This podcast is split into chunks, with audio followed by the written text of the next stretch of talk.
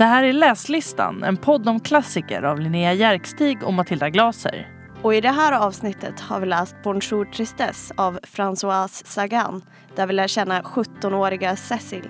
Vad händer när man utsätts för ett hot och hela ens värld vänds upp och ner? Trots att boken kom på 50-talet känns den oväntat modern och skildrar sex på ett sätt som få författare gör idag. Och jag skulle i alla fall inte vilja vara 17 igen.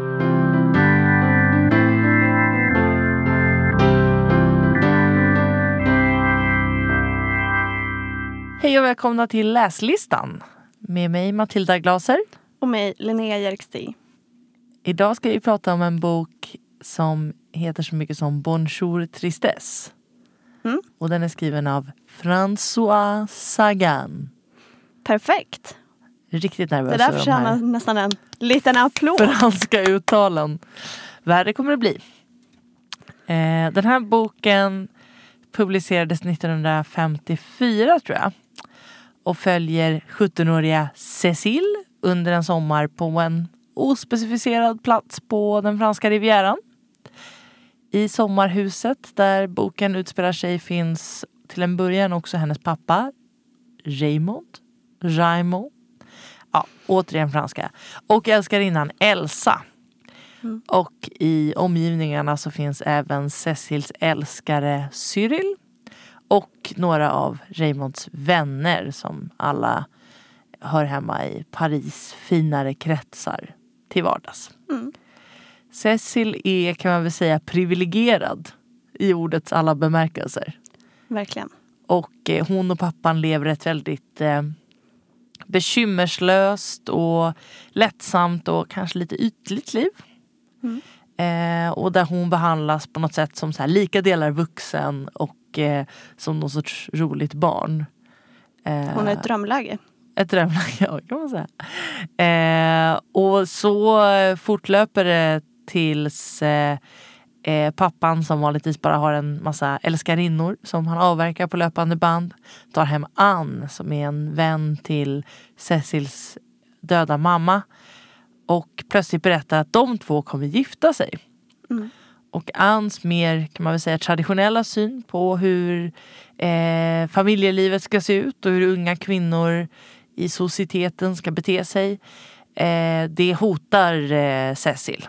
Och hon bestämmer sig för att det här måste stoppas. Mm. Till Ta varje itu med pris. problemet. Hon är en handlingskraftig person. Men Eh, eh, ja. kan vi börja prata lite om Cecil Mm. och eh, hennes relation till pappan? Ja. Eh, du sa ju där att de hade en ganska livsnjutande situation och hon har det väldigt lätt. Man skulle kunna säga att Raymond är i dagens samhälle någon form av curlingpappa. ja, absolut. Hon får ju både röka och festa och dansa och skippa skolan och vara och flörta med Cyril. Ja, precis. Men samtidigt så behandlar han, han henne ju också som någon sorts husdjur eller accessoar till hans egna liksom, glammiga liv. Där folk tycker att det är spännande att han har med sig sin liksom, unga oskuldsfulla men ändå vackra dotter på något vis.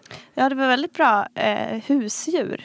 Det hade jag inte tänkt på innan men det är ju verkligen så att hon är där, hon ska liksom vara rolig Ja. och underhållande på något Precis. sätt. Så att de andra kan njuta av hennes närvaro. På något sätt. Precis, som någon sorts litet exemplar av ungdomen. En liten Ja. ung apa. Ja, så det är lite speciellt. De har en, å ena sidan så presenteras ju deras liv som väldigt eh, härligt och bra. Och det är ju hon själv som förmedlar den bilden. Men det är ju någonting som skaver lite i det också. Mm. Alltså du tänkte relationen mellan Raymond och Cecil? Ja men precis så. Jag menar liksom att för vi får ju reda på att hennes mamma då som sagt har dött och då skickades hon till någon sorts kloster typ. Bodde där ett tag, sen hämtade pappan hem henne.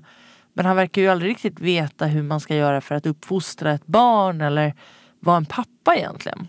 Nej. Och det är där man kan säga att då...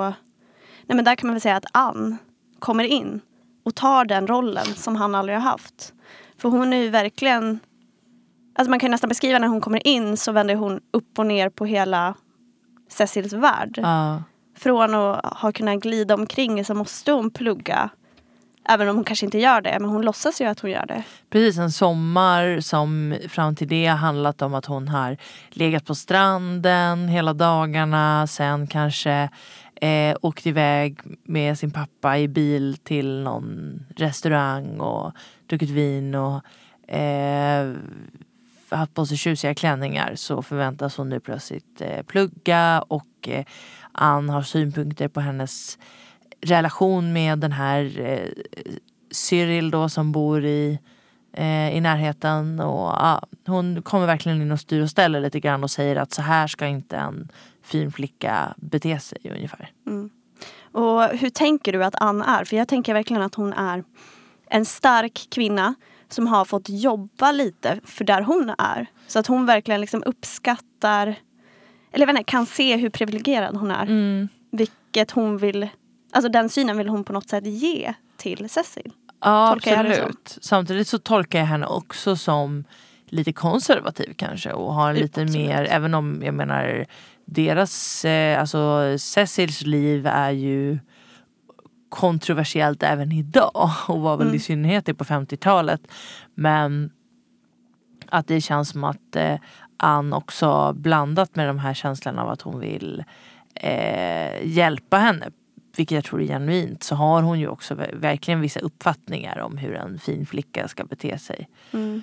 Eh, Verkligen, och då blir det en väldigt stor skillnad för om man jämför Elsa som var Raymonds älskarinna Ja. innan Ann kom in i bilden. Så var ju hon nästan i eh, Cecils ålder, eller så lite äldre. Medan Ann är liksom en, en kvinna i hans egen ålder. Mm. Som har kanske mer livserfarenhet och en mer traditionell konservativ syn på saker och ting. Precis, och hans egen ålder är ju med dagens definition mätt fortfarande ganska ung. Alltså de är väl inte ens 40, de är väl så här 38, 39 kanske. Eh, men det är klart att på den tiden ogift, det betyder väl också vissa saker. Liksom, att hon, hon har som sagt, hon har någon sorts ganska framgångsrik karriär som någon sorts modeskapare. Så att hon är verkligen en karriärkvinna på många sätt. Liksom. Mm. Men verkligen. Men det var ju inte heller bara alltså hennes ytliga liv, eller man ska säga. Festerna som togs bort, chillet som togs bort. Det var ju också hela hennes känsloliv som vändes upp och ner när Ann kom in i bilden. Jag tänker specifikt på en scen där jag verkligen kände eh, smärtan som Cecil känner när Raymond tar Anns parti Mm. istället för hennes. Och det har hon ju alltid fått vara med om. Mm. Och plötsligt har det ryckts bort. Mm. Det gjorde liksom ont. Ja men precis, och man märker ju i den beskrivningen att det är svårt för pappan att göra det men likväl så gör han det. Likväl så sätter han den här liksom modersfiguren som hon väl liksom presenteras som fast mer som ett hot om en modersfigur. Eh, Men det känns lite oklart varför han gör det. För det känns inte riktigt som att han har något.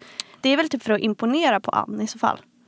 Ja, eller för att han kanske saknar det där själv, tänker jag. Alltså, jag menar, för han känns ju ändå som en tillräckligt liksom, självständig person för att kunna sätta ner foten i relationer. Men samtidigt tänker jag också att han kanske också ser det här behovet av att hans dotter inte har någon riktig fast punkt i tillvaron. Han kan skapa någon stabilitet åt henne. Att det finns någonting i att han vill ha en modersfigur i sin dotters liv och att det är ett av, en av anledningarna till att han väljer att gifta sig med Ann. Mm. Jag, vet inte, jag tänkte typ helt annorlunda. Jag tycker inte att han känns så handlingskraftig och att han är beredd på att sätta ner foten. Jag känner typ mer att han glider med Ja, och inte är så handlingskraftig. det har du för rätt i. Nej, han, och han är, vänder sig ju väldigt ofta till sin 17-åriga dotter och är så här, vad ska jag göra åt det här? Och så, så säger hon åt honom hur han bör agera i olika typer av vuxensammanhang. Vilket ju är en ganska... Nej, så du har Men- rätt, han är också en jättebebis. Det är han verkligen. Mm. Men hon säger ju åt honom hur hon ska, han ska reagera. Men även om hon är en 17-åring så tycker jag ändå att hon har ganska vuxet perspektiv Mhm. på många saker. Hon känns liksom Verkligen. inte som 17. Nej, hon är ju inte en... Eh, hon är ju en det, hela boken är ju skriven i, ur Cecils perspektiv och eh, hon liksom återberättar den här sommaren.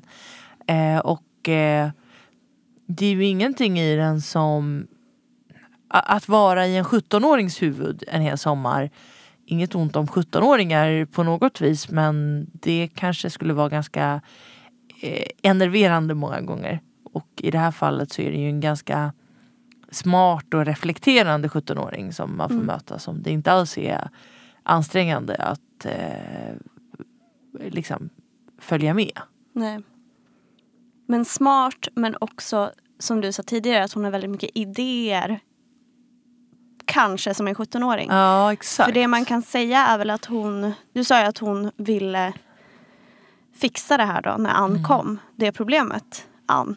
Eh, och vi kan ju gå in lite på hur hon planerar att göra det. Hon har ju en hemlig plan Mm, eh, för att få bort Ann. mm, Och det är ju att använda sig av Elsa, hennes pappas ex, och Cyril som hon hade en flört med. hennes älskare. Mm, hennes älskare. Man kanske inte hade flörter på den tiden. Men och då är ju hennes plan att de ska verka kära. Ja. Så att Raymond blir svartsjuk. ja precis, hon iscensätter en kärleksrelation mellan Elsa och Cyril för att göra sin pappa svartsjuk och, Och- i hopp om att han ska då på något sätt agera på det. Och eh, jag vet inte hur mycket vi ska nämna om det men han är verkligen eh, handlingsförlamad. Ja, gud ja. Nej men jag vet och jag tänker, men jag tänker mer så här att han i, i liksom kärleksrelationer, eller säger, i sexuella relationer så uppfattar jag honom som en person som ändå haft kontroll. Han har haft makten att inleda förhållanden. Han har uppenbarligen Han en viss dragningskraft för kvinnor och han precis har alltid haft makten att avsluta dem. Och att det tänker jag är en väldigt, väldigt stor makt i en relation. Sen är han totalt handfallen i alla andra sammanhang. Mm. Men i just det så har han en makt och det är den jag tänker att han skulle kunna utöva mot Ann när hon sätter krav mot Cecil. Men det väljer han inte att göra. Han väljer Mm. att inte göra det av någon anledning. Ja, verkligen. Och det är den anledningen som jag har lite svårt att förstå. Mm. Alltså, det enda jag kan landa i är att, det vill, är att han vill imponera på henne. Ja. Eller få henne att tycka om honom ännu mer. Ja precis. Eller just att han, som jag är lite inne på, att han egentligen också känner det här behovet av någon Mm. som sätter gränser mot hans dotter. Men han klarar inte själv av att göra det. Då har han liksom, Någon annan som gör hans ärenden. ja, lite så Mm. tänker jag. Men eh, Jo absolut, så för att han är liksom för mycket av en sån här schysst helgpappa för att kunna eh, göra det. Så då tar han in en kvinna som kan Mm. Styra vara the bad guy liksom. Mm. Ja men jag tycker det att det var ganska intressant på tal om kvinnor och på tal om män. Eh, att det känns som att alla män, du får rätta mig om du tycker att jag har fel. Ja. Men jag tycker att det känns som att alla män i den här romanen, det är egentligen bara Raymond och Cyril, Ja. känns lite men som att de bara go with the flow. Ja, De styr inte, de ställer inte. Medan det är alla kvinnor, utom kanske Elsa, Ja. som styr och ställer och bestämmer hur saker och ting ska vara, när Ja. det ska ske, försöker manipulera. Ja, verkligen. Nej, verkligen. Alltså, Cecil gör ju verkligen det. Det är ju det hela boken skildrar. Hennes liksom iscensättande av en, eh, ett, ett sätt att försöka förändra händelserna. Liksom, händelsernas utveckling. Och jag håller med dig om att Ann nog också gör det. På många sätt. Man för, kan ju föreställa sig till exempel att hela det här äktenskapet som kommer väldigt snabbt, i alla fall i Cecils ögon, Väldigt plötsligt. måste vara ett krav från hennes håll. Att hon inte kan leva i en relation utan att vara gift. Just Mm. eftersom att hon har den här mer traditionella Och det är eh, absolut inget krav som han har haft tidigare. Det är ju omöjligt att tänka sig att det skulle vara det. Mm. Eh, så det tänker jag, och även liksom hur hon markerar mot eh, Cecil och på en gång liksom börjar kliver in i den här rollen som någon sorts styvmor som ja, men liksom ska bestämma. Det är ju en... eh, Hon, hon försöker ju absolut, eh, om än kanske inte lika beräknande som Cecil så försöker hon absolut sätta en liksom, agenda och styra händelseutvecklingen. Mm. Och det har du helt rätt i att både eh, pappan och i viss mån också Cyril och även Elsa är, eller i hög grad också Cyril, eh, de är ju verkligen bara marionetter. Mm. Villiga-. Liksom. Villiga eller ovilliga liksom. Mm. Alltså vad handlar den om? Den handlar ju dels om allt det här som vi har pratat om. Men den handlar ju också kanske till störst del om eh, hur man som människa agerar på ett hot. Ja. Som man själv uppfattar som ett Ja. hot. Och hur långt man är beredd på att gå för att få det normalt igen. Ja, ja verkligen. Verkligen och där finns det väl också någonting, hon är väl i ett sånt här läge, hon är ju alltså 17 år gammal. Där man också kan se det kanske som så här vuxenvärldens hot. Eh, Hon har liksom Det är nästan lite Peter Pan historia på det sättet. Att hon är i ett läge där hon väl liksom måste hitta sin egen plats i världen på något vis. Och det eh, liksom sätter hon sig på tvären emot väldigt mycket. Det är väl kanske därför den är alltså fortfarande aktuell och fortfarande relaterbar. För att det gör ju alla 17-åringar. Alla 17-åringar Verkligen. måste hitta sin plats i Ja, ja. världen och alltid förhålla sig, även fast man inte vill det, Ja. till vuxenvärlden. Som fattar beslut över ens huvud. Typ. Ja precis för hon är väldigt, jag tycker liksom väldigt jag har förstått att andra människor uppfattar henne som en osympatisk person. Och det gör verkligen inte jag. Jag känner väldigt, väldigt starka känslor, liksom varma känslor för Cecil. Även om hon agerar på ett osympatiskt sätt. Eller liksom hennes handlingar inte alla gånger är eh, bra. Så jag känner liksom en väldigt stark eh, kärlek till henne. Både som eh, ungdom som försöker hitta sin plats i världen. Men också bara som en väldigt så här, smart och eh, rolig och reflekterande ung kvinna. Man skulle verkligen vilja vara hennes kompis. Men så känner jag också. Jag känner att hon är hon är ju sympatisk och hon är ju smart. Men att hennes beslut kanske bara leder fel. Ja. Alltså hon vill ju inget illa. Men det råkar bli dåligt, tänker Mm. jag. Och jag kan känna igen mig jättemycket i det från när man var ung och man bara reagerade på impulser Ja. och det blev fel. Ja, faktiskt. Och, och den här boken skildrar ju hur hon ser tillbaka på det vilket ju också ger den här lite reflekterande tonen i det. Liksom. Ja, jag vet inte, jag tänker liksom så här. Det finns så många böcker som handlar om unga kvinnor Mm. och så, där vi får följa en ung kvinna ur hennes perspektiv. Och där hon tittar på för det mesta ganska vardagliga ämnen. Jag tänker att många ungdomsromaner som kommer ut idag handlar ju till exempel om det. Mm. Och många gånger, det är en genre som jag känner mig väldigt kluven till om man nu ska kalla det det. För att den kan vara helt fantastisk och den kan vara så otroligt relaterbar men den kan också vara så eh, platt och eh, provocerande. Och, och jag funderar lite grann på vad det är som gör Den en sån bok bra. Ja. Och jag tänker att så här, För vi det- kan väl enas i att den här är bra. Det här, jag tycker det är en jättebra Ja, bok bra. faktiskt. Eh, den är liksom härlig att läsa. Och jag tänker att det som gör att jag liksom omfamnar henne som smart, rolig eh, kvinna eller ung kvinna är att hon inte hon- framstår som, som smart och fyndig utan att eh, författaren försöker för mycket. Jag tycker ofta sådana böcker där som ska handla om en sån här ung tjej som brådmoget reflekterar över livet. De är ofta så otroligt krystade och så här proppfulla med olika referenser som ska framstå som smarta. Och, Jag håller helt med. Jag håller helt med. Den känns ärlig. Och det känns liksom som en ärlig skildring utan några krusiduller. Den känns Ja.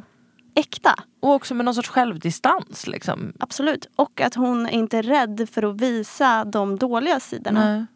Hon, hon lyfter ju väldigt mycket dåliga saker. Mycket elakheter och alltså tankar och sånt där som kanske Ja. inte är okej. Som man helst vill låsa in en liten låda under sängen. Jag vet inte. Mm. Men en annan sak som jag tyckte gjorde den så himla bra är språket.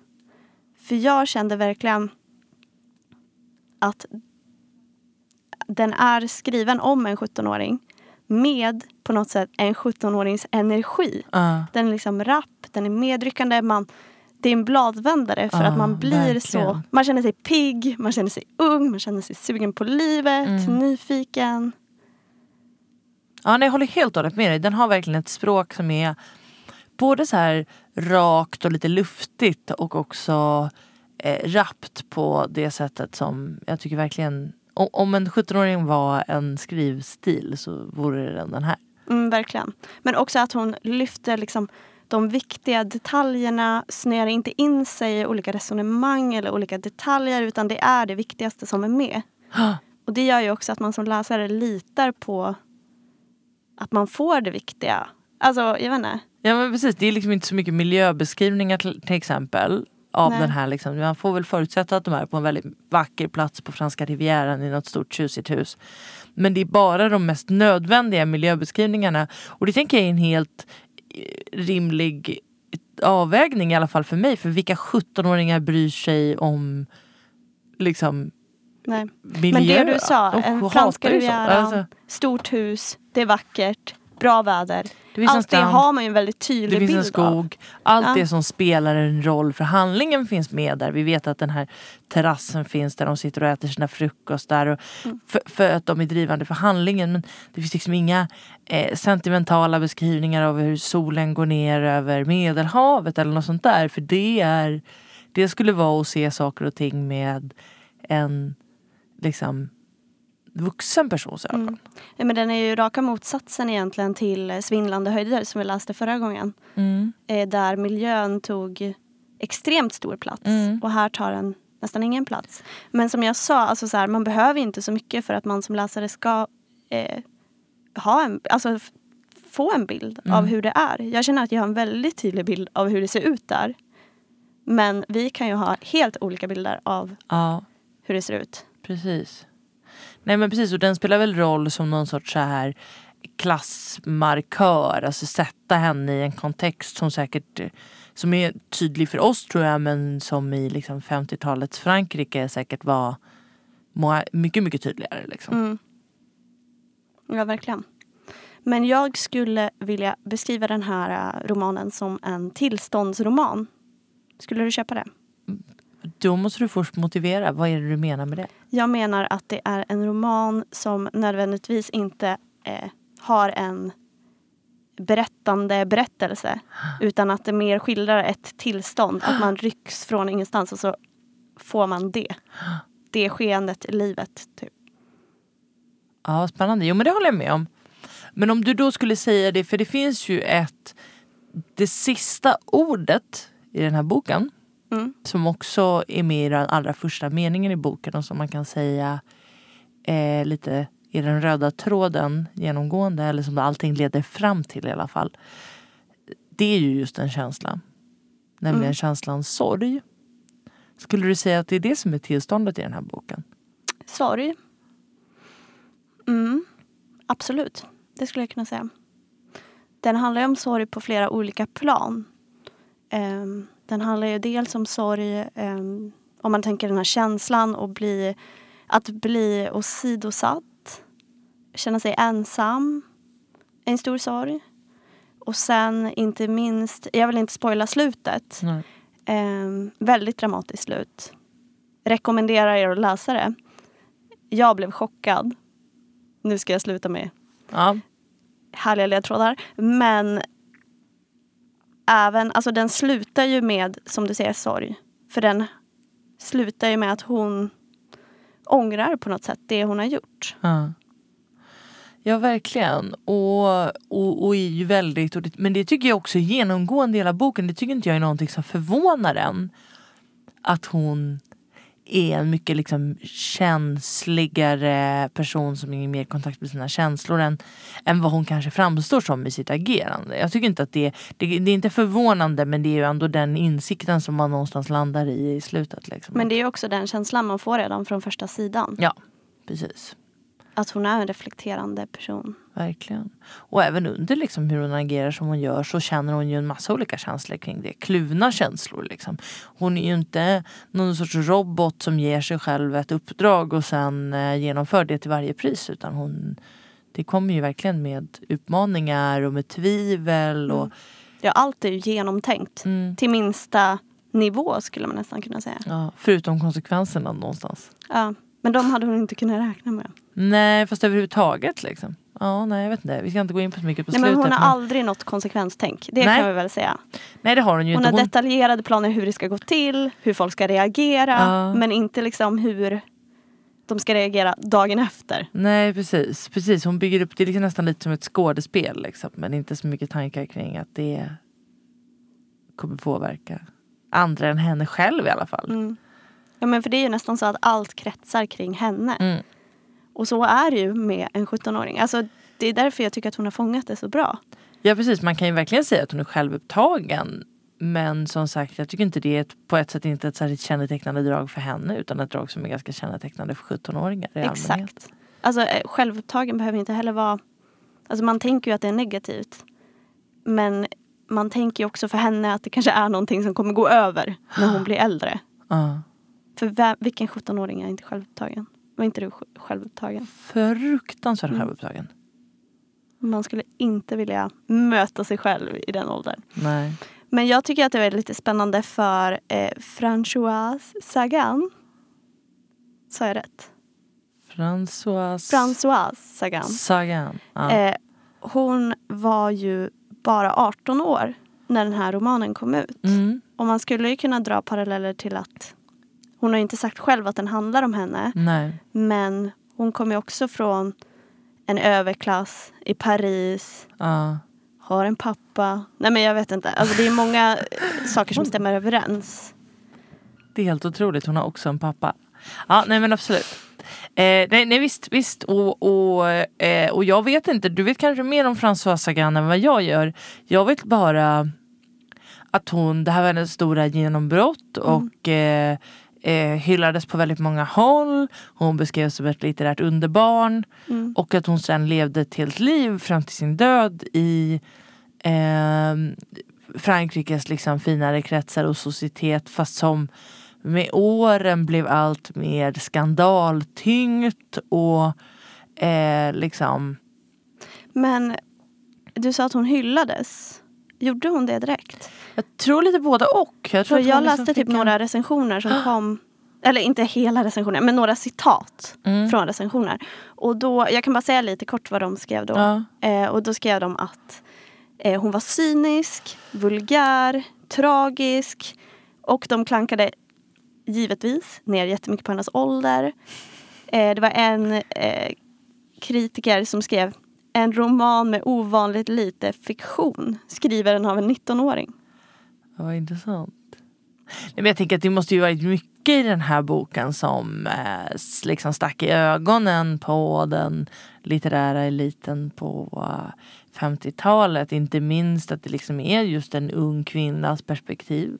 Eh, Men också att hon skildrar sex på ett ganska mm, oproblematiserat sätt. Vilket än idag på ett sätt känns ganska uppfriskande. Mm. Att hennes eget liksom, sex och kärleksliv det är ju inte i fokus. Det finns där och det är viktigt precis som det är viktigt för en 17-åring.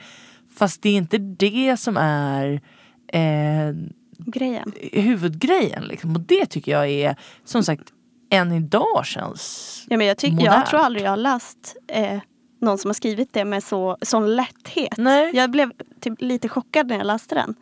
För att man var nästan tvungen att dubbelkolla. Va? Kom inte den här för jag vet inte, 60 år sedan eller vad det Mm. blir. Ja precis. För det kändes ju verkligen inte så på det sättet. Nej. Det håller jag verkligen med dig om.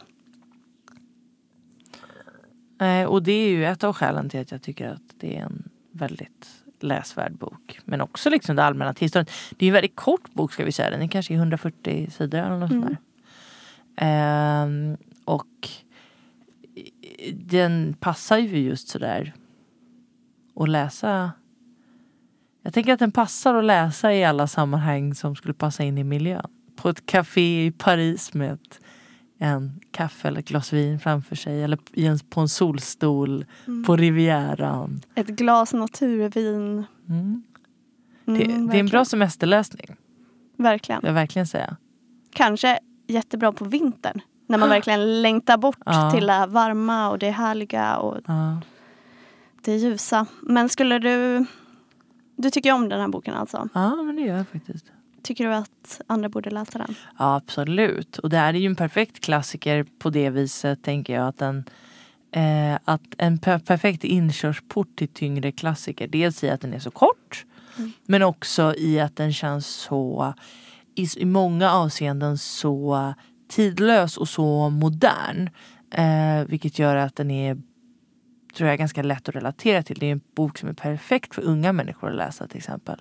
Mm. Mycket bättre tror jag på många sätt än många av de klassiker som många ungdomar läser på svensklektionerna idag. Mm, verkligen. Jag tror att man skulle kunna få en väldigt stark känsla av den här boken om man läste den ja, men som 17-åring ja, eller sådär. Verkligen. Men jag tror också att man jag tror att det är en sån bok som om man läser den när man är tonåring att man uppfattar den helt annorlunda än om man läser den idag. Mm. Eh, när man har alla perspektiv och den här möjligheten att se tillbaka på hur det var ah. så tror jag att man uppfattar den på ett helt annat sätt. Ja, det vore intressant. Vi får nästan försöka prata med en 17-åring om den här boken någon gång. Mm. Se vad han tycker. Ja, verkligen. Det skulle vara kul att veta men eh, för den är verkligen jättebra och som du säger en bra inkörsport. För den har ju inte, den har ju inte gammaldags språk eller någonting heller. Alltså den är ju lättläst. Nej, precis. Och spännande och bra. Har du läst något annat som du skulle vilja tipsa eller ja, berätta om? Jag skulle vilja tipsa om en bok som fortsätter på temat smarta kvinnor. Mm. Smarta unga kvinnor. Det låter som att jag har ett banalt tema när jag säger så. Men Nej, jag, jag tycker som bra sagt att tema, det, det här vill jag veta mer om.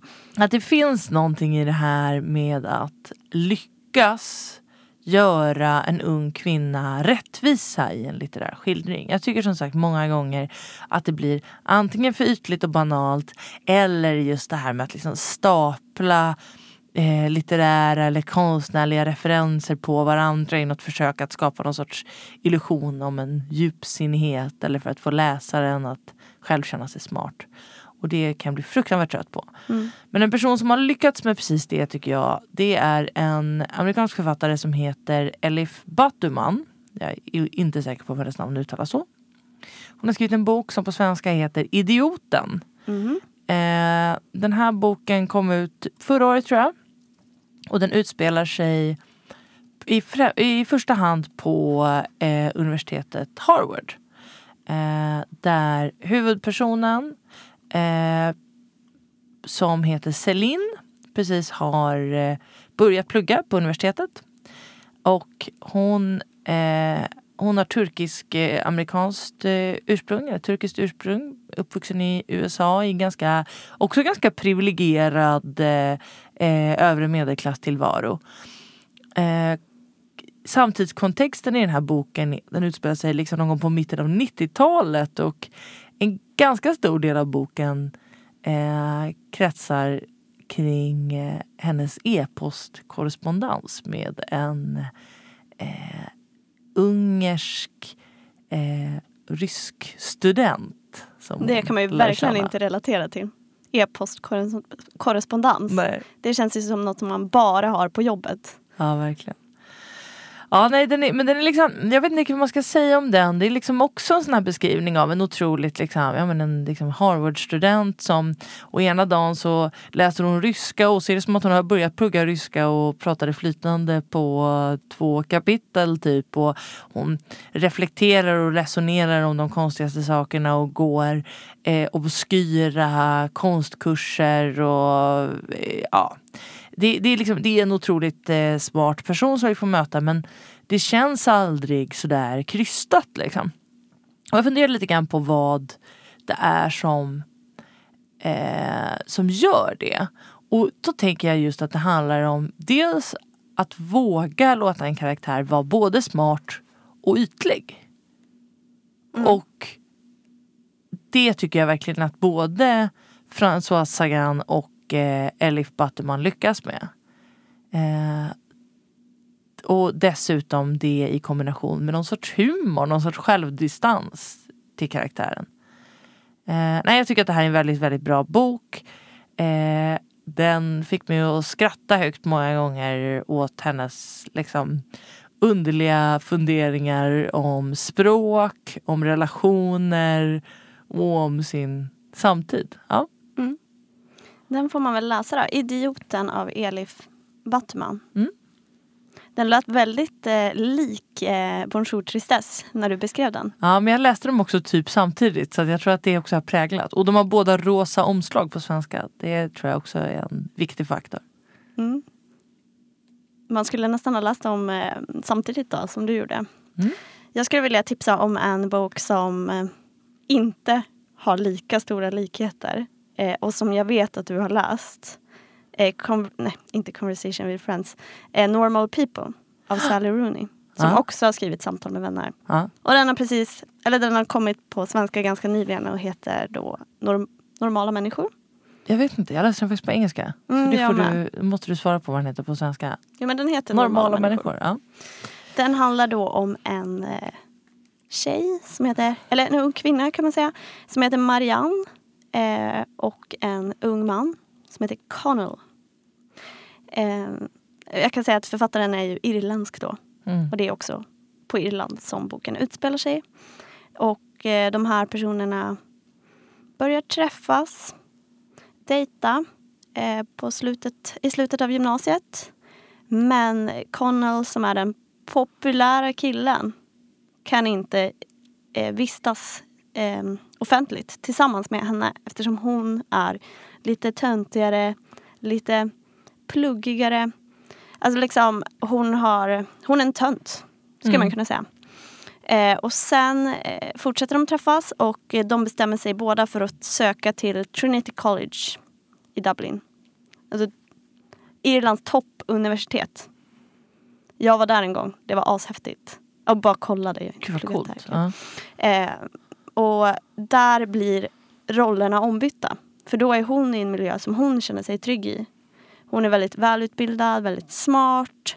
Hon framställs extremt smart. Och duktig på alla sätt och vis. Medan han inte känner att han passar hemma i den miljön. Han kommer från en annan familjebild. Han eh, har bott ensam med sin mamma och han har inte den här självsäkerheten som hon har. Så plötsligt går hon från och blir den töntiga till den coola och han går från den coola till den töntiga. Och det gör ju att hela deras relation och makt, eh, men maktrelation ställs till sin spets skulle man kunna säga. Och Ja. allt bara vänds upp och ner. Och det är ganska intressant att följa. Eh, och man får dessutom följa liksom, de berättar var och en i sina egna perspektiv. Så man kan få se samma händelser fast från olika perspektiv. Mm. Och jag tycker det är skickligt gjort. Inte minst för att det här känns som den klassiska ungdomsromanen. Ja, men det, det, jag tycker det är så intressant med den här boken. Jag älskade också den här boken. Mm. Och sen har jag, försökt liksom, jag har pratat med andra om den och när man beskriver handlingen precis så här som du nu gör så är det så här.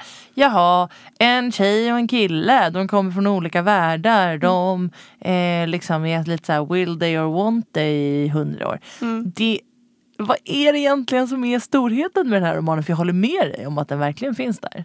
Ja, och bara det här att man byter eh, berättarperspektiv är ju Mm. också i alla sådana romaner ja, som man har läst när man var liten. Liksom. Men jag vet inte riktigt vad det är. Jag tror att det är att det handlar så mycket om makt. Ja. Eh, att liksom grundkänslan blir inte, alltså man går inte och väntar på, eller frågar, ska de få varandra eller inte? Nej. Utan det är liksom vägen som är målet. Ja. Och här, maktbalansen är jättespännande. Jag tycker det är jättespännande med grejen att han har flyttat och han inte riktigt hör hemma där. Mm. Och så kommer han hem och så hör han inte riktigt hemma där. Just och han är liksom mellan allting samtidigt som hon också är det på något sätt. Mm.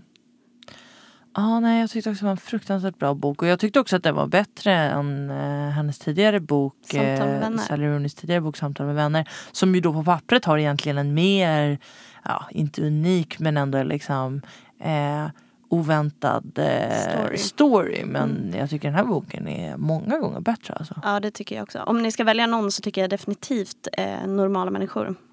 Ja. Läs den. Läs den. Ja, ska vi avrunda där? Ja, det tycker jag. Kul att ni ville lyssna. Vi hörs. Vi hörs. Hej då! Hej då!